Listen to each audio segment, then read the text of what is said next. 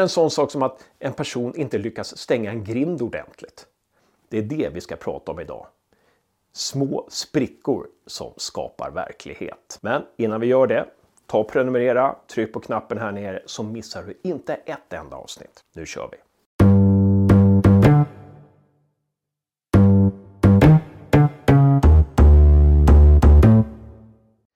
Man kan säga att det är de betydelsefulla detaljerna som bygger storyn. Men man kan också säga att det är de betydelselösa detaljerna som ger storyn dess legitimitet, som gör att storyn känns verklig på riktigt. Och vad menar jag med de betydelselösa detaljerna? Ja, men de där som egentligen inte betyder någonting för storyn. Som att någon sitter och äter eller någon går på toa eller någon sover lite dåligt. Detaljer som bara kan dyka upp på vägen kan göra så otroligt mycket för en story.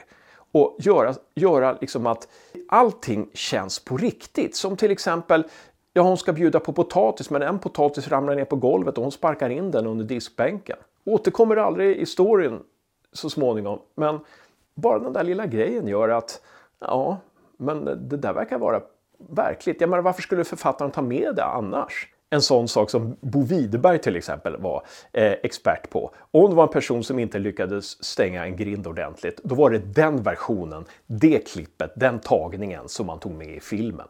Det skapar lite verklighetskänsla. Om den där personen inte stängde grinden där så då måste det ju vara på riktigt. Så brukar jag också göra ibland. Förstår ni vart jag vill? Om ni inte gör det så ska du få en övning. För in till synes meningslösa detaljer som gör att scenen här nere blir verkligare. Jag satte mig i bilen, startade den, körde iväg. Kom till jobbet, åt lunch, åkte hem.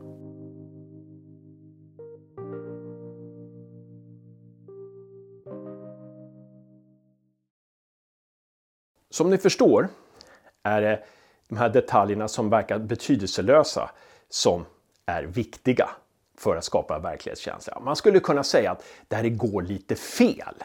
Där det, alltså, där, där det blir sprickor i vardagen.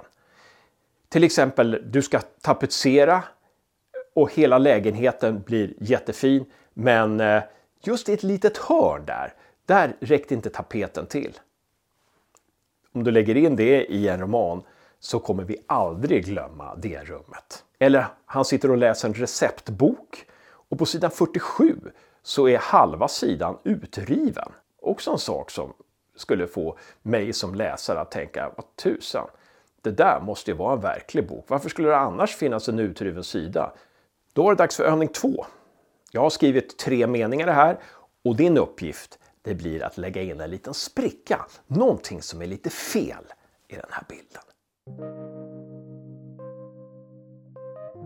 För in ett fel, en spricka, i dessa bilder. Hon krattar i trädgården. Han solar på stranden. De spelar Monopol.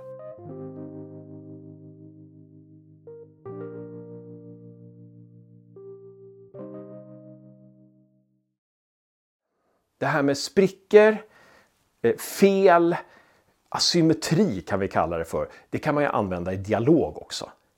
Verklig dialog utanför romanen är hur asymmetrisk som helst. Spela in eh, en konversation med familjen eller kompisarna så får du höra. Om du skriver ut det så en utomstående skulle inte förstå någonting.